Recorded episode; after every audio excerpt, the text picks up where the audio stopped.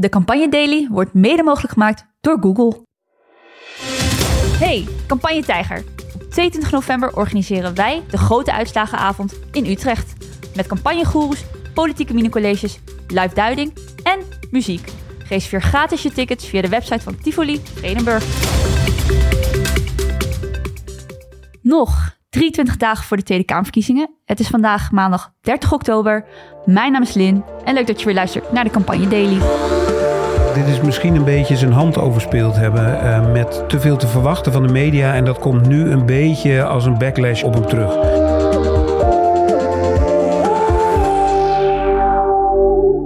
Ik heb vandaag weer twee mensen te gast. Heel leuk. Uh, tegenover mij zit Alex Klusman. Goedemiddag. Hi Alex. In een Springbok shirt hè? Zuid-Afrika heeft het wereldkampioenschap rugby gewonnen. Laat het even zien. Hartstikke mooi. Van grote politieke betekenis in Zuid-Afrika overigens. Gaan we op in een andere podcast over uitleggen. Je kan ook de ogen morgen terugluisteren. Een heel slecht item erover. Dat is duidelijk. en ik zit naast me met Tuur Elzinga. Tuur, welkom. Goedemiddag. Tuur is uh, voorzitter van vakbond FNV en voormalig uh, Eerste Kamerlid voor de SP. Dat klopt, ja. Voordat we duiken in de vakbond. En jeugdvriend van Erik van Brugge. Zeker. Ja, jullie hebben samen in de zandpak gezeten, hoorde ik. Absoluut, ja. ja. Leuk, mooi. Dat is toch een mooi, uh, ja, mooi verhaal op, weer. Samen opgegroeid op Texel. En samen, nou ja, elk straatje, elke duin, elke, elke boom in het bos ongeveer wel gezien, denk ik. Ja. En die had deze podcast fantastisch gevonden. Ik, ja, Vermoed ik, ik. Dat denk ik wel, ja. ja, we kunnen Had alleen gevonden dat we hem twee keer per dag hadden moeten opnemen. ochtend- en avondshow. Ja. En acht keer zo lang. Ja, en groter. En eh, veel groter. Nou, gelukkig gaan we het ook groter aanpakken. Want 20 november zijn we het vinden in uh, Tivoli. Allemaal een beetje in ere van uh, Erik van Brugge. Voordat we de vakbondsstrijd induiken, want daar gaan we nog een heel item over hebben, wil ik het eerst hebben over al het campagnenieuws wat afgelopen weekend uh, voorbij kwam. Echt te veel om op te noemen eigenlijk bijna. Uh, we Oh, ik naderen... wil net zeggen, er was niet zo heel veel. Nou, echt wel. Of was ik gewoon helemaal ondergedompeld in het rugby? Ja, volgens mij dat. Die, die campagne Daily App bleef ook maar gaan. Ontzettend veel interviews, talkshows, iedereen schoof aan. Je merkt daarin volgens mij heel erg dat we steeds meer de rode fase in aanloop naar de verkiezingen naderen. Um, en wat mij opviel is in ieder geval dat de fluwelen handschoenen wat meer afgaan. Zeker bij de journalist, uh, journalisten. En dat is iets wat ik even met jullie wil bespreken. Want uh, Twitter of X, moet ik zeggen, kon er niet over ophouden. Afgelopen zaterdag verscheen een interview in de Telegraaf... Uh, met de BBB-lijsttrekker Caroline van der Plas... waarbij ze toch wel was, nou ja, toch wat lullig uh, volgens mij uh, naar voren kwam. Uh, ik quote even op de vraag um, waar, waar 7,5 miljard euro vandaan werd gehaald vanuit het verkiezingsprogramma. Dat Caroline van der Plas antwoordt: Henk, Google even op administratieve lasten, zorg 22 miljard of zo. Dat was speciaal voor onze sponsor van deze podcast.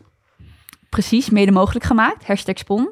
Nou, ik vind het toch wel interessant, Alex. Wat zien we hier gebeuren? Ik weet het niet zo goed. Ik weet nog niet of dit een vooropgezet plan van de Telegraaf is geweest om dit interview helemaal letterlijk over te nemen. Uh, of dat het echt gewoon uh, niet goed was wat Caroline van der Plas daar heeft gedaan. En of het um, te veel leek op wat ze ook deed bij de, uh, bij de Rudy en Freddy show van de correspondent podcast. Waar ze ook zoveel keren het antwoord um, schuldig moest blijven op inhoudelijke vragen over hoe het gefinancierd wordt, wat ze wil doen. En dat kwam in dit interview ook wel heel erg terug. En ja, de Telegraaf heeft het lullig neergezet. Wouter de Winter herhaalt gewoon haar opmerkingen. Als, als die iets vraagt, dan zegt ze weet ik veel. En dan staat gewoon weet ik veel. En dan komt de volgende vraag. Dus het was buitengewoon pijnlijk om te lezen, vond ik. Want Tuur, hoe, hoe gaat het? Jij wordt natuurlijk vaak in de hoedanigheid als voorzitter van de FNV uh, geïnterviewd. Um, zie jij een, hoe gaat het proces? Spreek jij dingen af met de journalist van tevoren? Is er een dynamiek tussen jouw woordvoerder en de journalist? Jawel, uh, je maakt eigenlijk standaard een afspraak over dat je het interview mag teruglezen uh, voordat het gepubliceerd wordt. En dan dat je feitelijke onjuistheden kunt corrigeren. Maar ja, als je dit feitelijk gezegd hebt, kunnen ze natuurlijk gewoon zeggen, ja, je hebt dit gezegd, dus ik mag het opschrijven. Maar het is niet netjes. Ik vind het, uh, ik vind het ook eigenlijk wel vreemd, want je gaat ervan uit dat de Telegraaf ook met iemand die van plan is om nog langere tijd uh, lijsttrekker te blijven van een, of partijleider van een toch partij die nog groter gaat worden. Uh, in elk geval in de Tweede Kamer. Hè, misschien is het, u weet niet of BBB over het hoogtepunt heen is, maar in de Tweede Kamer zullen ze in elk geval veel groter worden. En ze zullen of in de coalitie, maar anders in de oppositie een belangrijke rol spelen. Want voor de meerderheid in de Eerste Kamer zijn ze toch bijna onmisbaar. Mm-hmm. En dan wil je als krant, denk ik, toch ook een beetje een relatie houden met zo iemand. Het, val, het valt mij op dat als ik met de Telegraaf toch niet een links blaadje een interview heb. ehm, dat ze mij altijd in het interview uitermate correct eh, neerzetten. En dat ze eigenlijk op zoek zijn naar een interview waar ik goed uitkom. En dat ze dan daarnaast een column zetten of de dag erna een column waarbij ze me helemaal wegzabelen en afbranden eh, en, en, en boven de enkels afzagen. Ja, dat, dat is hun goed recht. Dat is in een column. Daar geef je je mening als krant. Maar als in een journalistiek stuk moet je toch eigenlijk gewoon een net stuk plaatsen met hoor en wederhoor. En dan probeer je iedereen een beetje respectvol eruit te laten komen. En dat, valt, dat viel me echt op. Ja. Eh, dat was in dit geval... Maar het zou, Nou ja, dan zou zo. dus de conclusie kunnen zijn dat het gewoon echt erbarmelijk slecht was, het interview.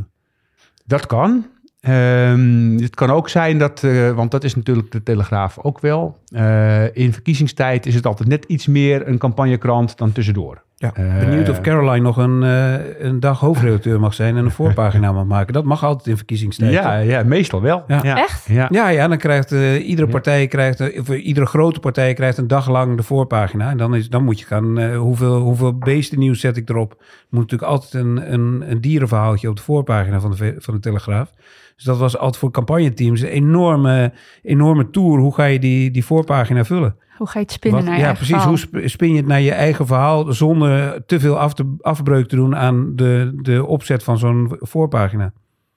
Wel interessant. Ze kwam er wel echt niet heel goed vanaf. Want ze kreeg ook een vraag over... Goh, eh, de, BBB wil een grens stellen 15.000 bezoekers max. Volgens mij vroegen de journalisten vervolgens... Oké, wat gaan we dan doen met de asielzoeker nummer 15.001? Ehm, dan antwoordt Van der Plas vervolgens... Ja, die gaan we afkopen en die kan dan naar, naar een ander land... en daar asiel eh, aanvragen.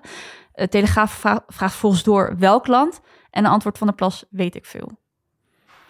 Nee, het was heel pijnlijk. Het is echt in, in- we kunnen er nog heel lang over doorgaan, maar volgens mij moeten we dit deel afsluiten eh, met de conclusie heel pijnlijk. Heel pijnlijk, duidelijk. Een eh, optreden wat minder pijnlijk was en volgens mij vooral heel veel nieuws bracht was... eh, Alex, daar wilde jij het heel graag over hebben. Rutte die aanschoof bij Spuigasten.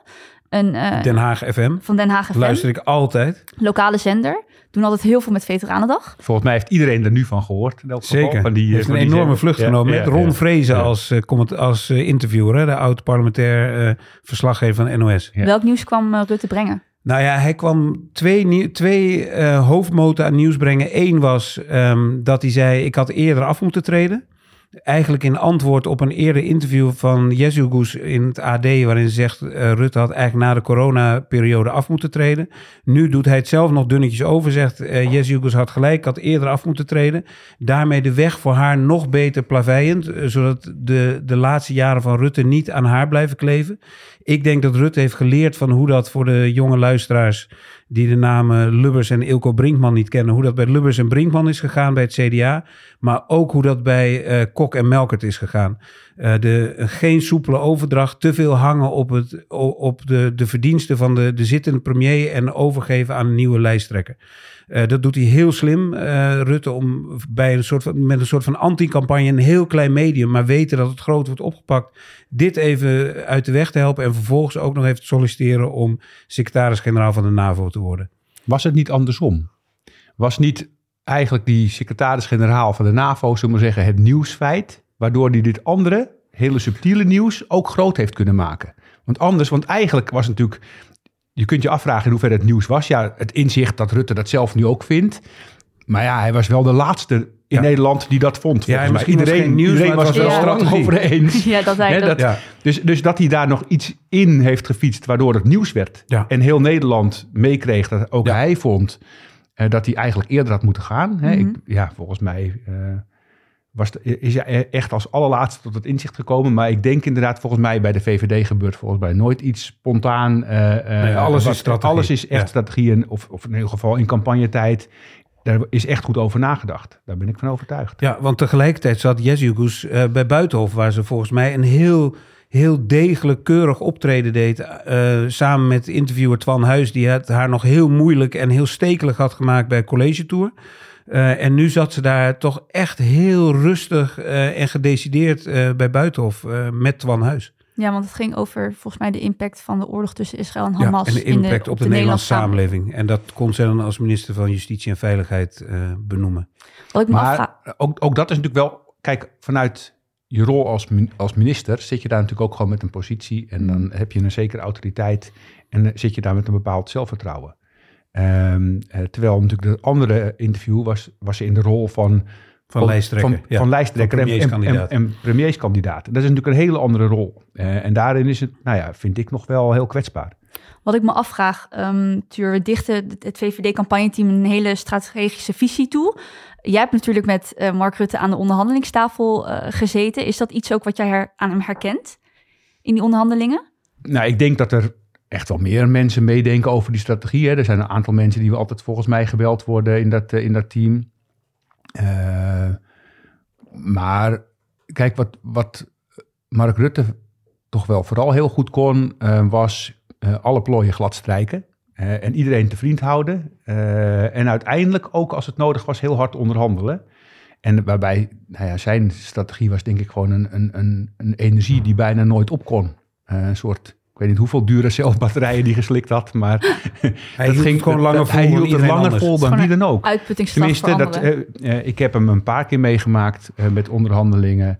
Eh, want normaal gesproken zit je als eh, sociale partners, hè, als, als vakbeweging of als eh, werkgeversorganisatie, vooral nou ja, met de minister van Sociale Zaken, soms met de minister van Economische Zaken aan tafel. Ehm, maar alleen als, je, nou ja, als, je echt, eh, als het echt heel spannend wordt, dan komt de premier erbij zitten. Maar dat, en, en als het echt heel spannend wordt, ga je ook door tot je klaar bent, zullen we zeggen. Dus dat is dan Mhm. vaak eh, als er dan daarna geen agenda meer is, zodat je s'avonds kan uitlopen. En als het nodig is, s'nachts. Nou ja, en als je dan om zeven uur s morgens nog een nieuw eh, onderwerp op tafel wil, wilt leggen, zeg maar, dan, dan weet je dat de rest afhaakt.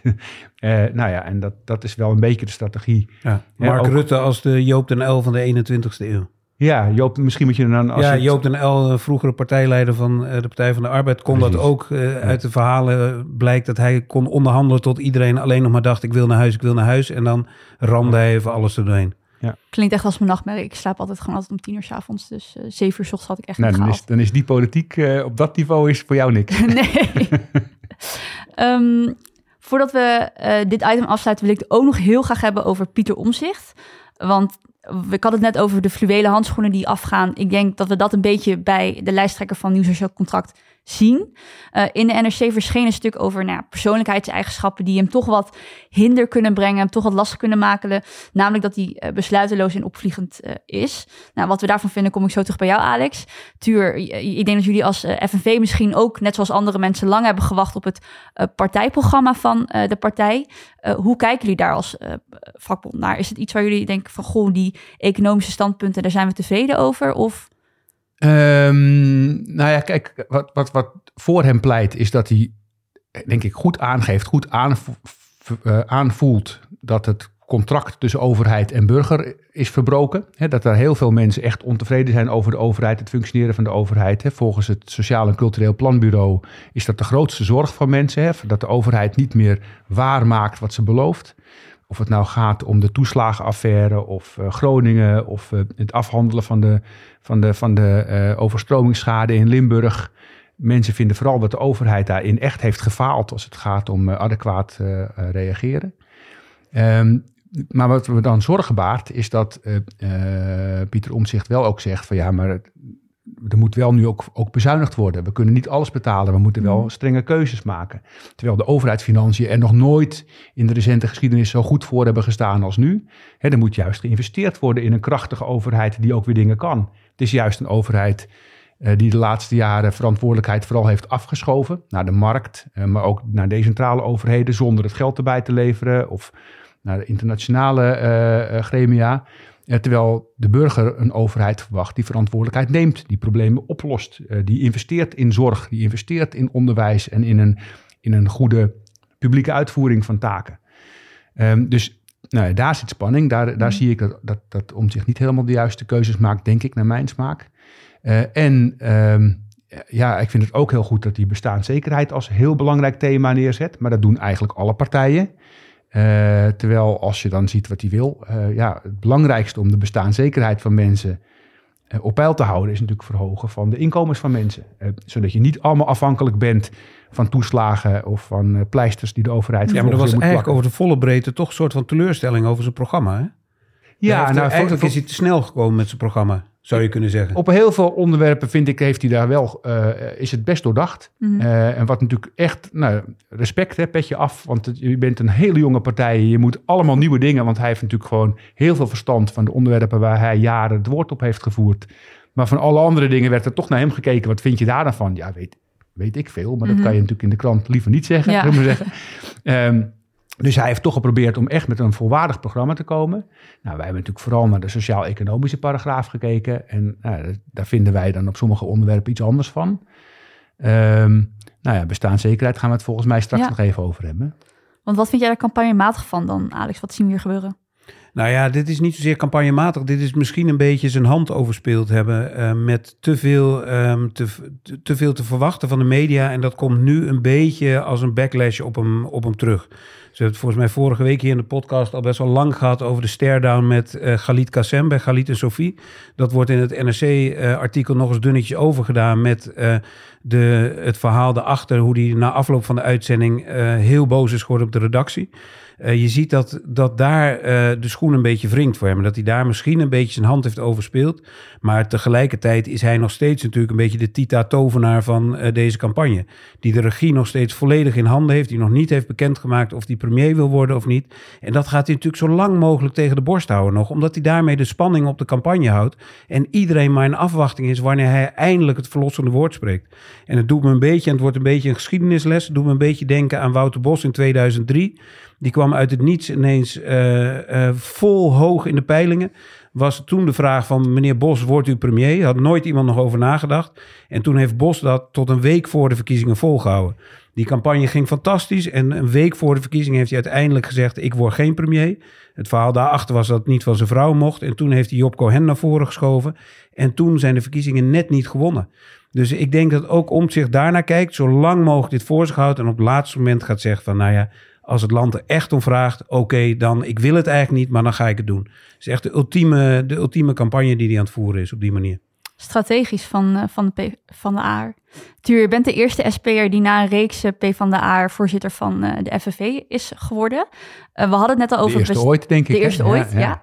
Ehm, we hadden het net al over eh, bestaanszekerheid. Aanstaande zaterdag 4 november hebben jullie de dag van de bestaanszekerheid uitgeroepen. Of vindt die plaats, laat ik het zo zeggen. In de introductie heb ik een beetje overgeslagen wat jullie doen en wie jij precies bent in jouw rol. Dus daar ben ik heel erg benieuwd naar. Wat doet de FNV en wat is jouw rol daarin als voorzitter? Nou, de FNV is eh, de grootste vakbond van Nederland. Hè. Dus eh, we zijn een, eh, een, een, eigenlijk ontstaan uit een familie van vakbonden. Ooit gefuseerd uit de socialistische en katholieke vakbonden. Eh, Wim Kok, hè, voor wie dat nog weet, die was ook ooit premier van Nederland. En daarvoor partijleider van de Partij van de Arbeid. En daarvoor voorzitter van de eerste voorzitter van de FNV. Eh, die heeft eh, nou ja, onder zijn leiding zeg maar, die, die, eh, die twee vakbondenfamilies gefuseerd. Ehm, en sindsdien is de FNV, ehm, nou ja, eigenlijk meer en meer samen gaan werken. We zijn nog steeds officieel een federatie. We hebben een aantal eh, eh, aangesloten vakbonden. Dus de, de onderwijs, de, de Algemene Onderwijsbond, de Nederlandse Politiebond. Dat zijn van die specifieke bonden die heel herkenbaar zijn voor hun eh, leden, zeg maar, hè, als, als, als beroepsgroep. Die zijn als vakbond lid van de FNV. Maar de meeste andere sectoren zijn allemaal gefuseerd eigenlijk tot één grote vakbond, FNV. Nou, wat doet een vakbond? Een vakbond vecht vooral voor, voor de rechten van werkenden. en vooral op het terrein van werk en inkomen. Dus wij onderhandelen cao's. Eh, wij maken afspraken over cao's. eh, maar we kijken ook naar arbeidsomstandigheden. Naar eh, nou ja, de kwaliteit van het werk. eh, de inhoud van het werk. Ehm, eh, eigenlijk alles op het gebied van arbeidsvoorwaarden. En dat doen we decentraal met werkgevers. eh, maar we lobbyen natuurlijk ook eh, nou, zowel decentraal naar gemeenten. eh, als eh, centraal naar Den Haag. Als eh, zelfs internationaal naar Brussel. Als het gaat om de belangen van werkenden. Wij zijn de grootste belangenbehartiger van werkenden in, eh, in Nederland. Je hebt het al over lobbyen en dat jullie een belangenorganisatie zijn en opkomen voor de werkenden. Ik ben heel erg benieuwd. Jullie zijn natuurlijk een erkende sociale partner. Dat houdt in dat jullie echt daadwerkelijk aan tafel zitten met bijvoorbeeld eh FVNO, NCW, de werkgeversorganisaties, om bepaalde dingen te onderhandelen als het gaat over cao's en eh, afspraken. Hoe gaan jullie als FNV eh, de verkiezingen in? Ehm, nou, kijk, wij, eigenlijk wat wij doen is altijd de belangen van de werkende behartigen. Eh, en dat doen we niet alleen in verkiezingstijd, dat doen we Mhm. altijd. Eh, dus de verkiezingstijd die gebruiken we eigenlijk voor zover we er iets mee doen, ook vooral om onze positie nog verder te versterken. Want uiteindelijk moeten we gewoon zo sterk mogelijk zijn voor onze achterban. Ja. En het meeste wat we, het meest concrete wat we doen is in de individuele belangenbehartiging hè, mensen bijstaan, leden van ons die een conflict hebben met hun werkgever. En collectief mensen bijstaan als ze samen, nou ja, gerechtvaardigde uh, belangen uh, zoals een, uh, een, loonsverhoging in een tijd van hoge prijsstijgingen zeg maar willen realiseren. Want ja, laten we wel wezen, hè, als de prijzen stijgen, maar de lonen stijgen niet mee, mm. dan blijf je hetzelfde werk doen of misschien zelfs meer werk of harder werken dan ooit, terwijl je inkomen er aan de andere kant achteruit gaat in, in koopkrachttermen. Nou, dat, is, dat zou onredelijk, oneerlijk zijn. dus daar proberen wij iets aan te doen. Um, dus die, de verkiezing gebruiken we eigenlijk ook vooral om, uh, om onze positie te versterken. Uh, en wij zijn niet zozeer met de verkiezingen bezig in de zin van wat eruit moet komen. Want we hebben, mm -hmm. nou ja, in het verleden ons er wel eens over uitgesproken, maar het werkt toch niet. In onze achterban zitten eigenlijk stemmers op alle partijen ja. uh, vrijwel.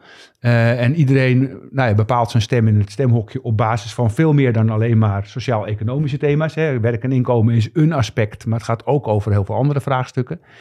Um, maar we kunnen wel invloed uitoefenen op uiteindelijk uh, de programma's van die partijen en daarmee op uiteindelijk een coalitieakkoord. En dus hoe wij... kun je dat proces schetsen voor, uh, voor een luisteraar? Hoe ziet dat proces er vanaf partijprogramma tot misschien aan de formatietafel eruit? Nou, wij zijn natuurlijk voor heel veel partijen een relevante gesprekspartner. Uh, want in Den Haag, hè, we hebben een, we kennen natuurlijk een parlementaire democratie, waarbij de partijen zelf, in de Kamer bepalen wie er uiteindelijk de regering mogen vormen. en die gaan over heel veel zaken maar eigenlijk heel erg weinig op het gebied van werk en inkomen. De economie is voor een heel groot gedeelte overgelaten aan de markt. En er worden wel wat spelregels afgesproken met elkaar. Mhm.